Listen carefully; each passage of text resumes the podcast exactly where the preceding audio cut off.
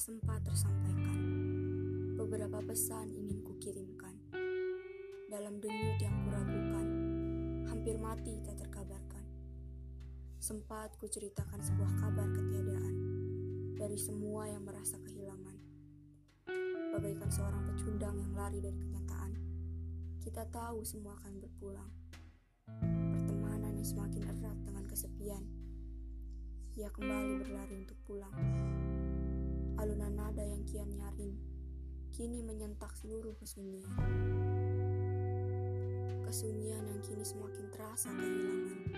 Begitu erat, kekal dan abadi. Serta merta kesedihan yang kian menyayat hati. Tak mati, namun tak abadi. Semesta